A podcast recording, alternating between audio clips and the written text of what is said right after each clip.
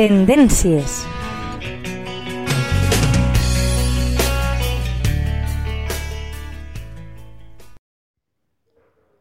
Hola, amics de la teua ràdio. Benvinguts una setmana més al Tendències. Aquesta setmana parlarem del maquillatge de celles i, en concret, de la tècnica del microblending. La mascareta s'ha convertit en l'absoluta protagonista de les nostres vides i també del nostre rostre. La, nost la nostra mirada té molta més rellevància que abans i hem après a somriure amb els ulls i a llegir emocions a través d'ells.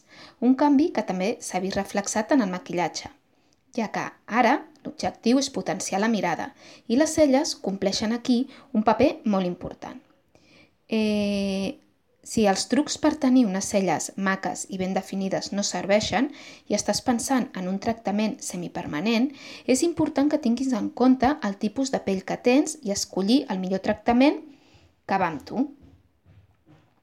Per exemple, si la teva pell és grassa, és dura o difícil de tractar, tindrà una eh, quantitat excessiva de poros dilatats, per lo que la tècnica del pèl a pèl no és recomanable.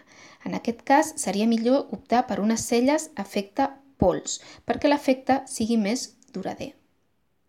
En el cas de que la teva pell sigui seca, eh, les pells seques solen tenir línies més fines i delicades.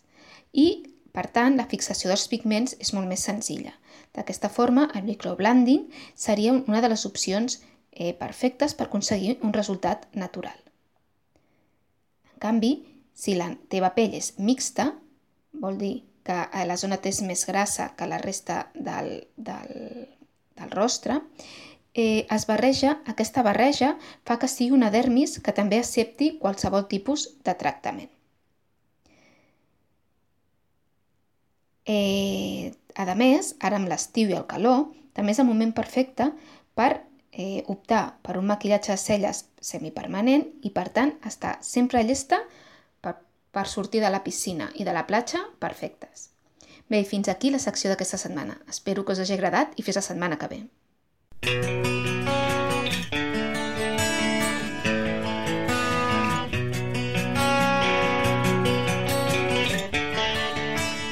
Tendències.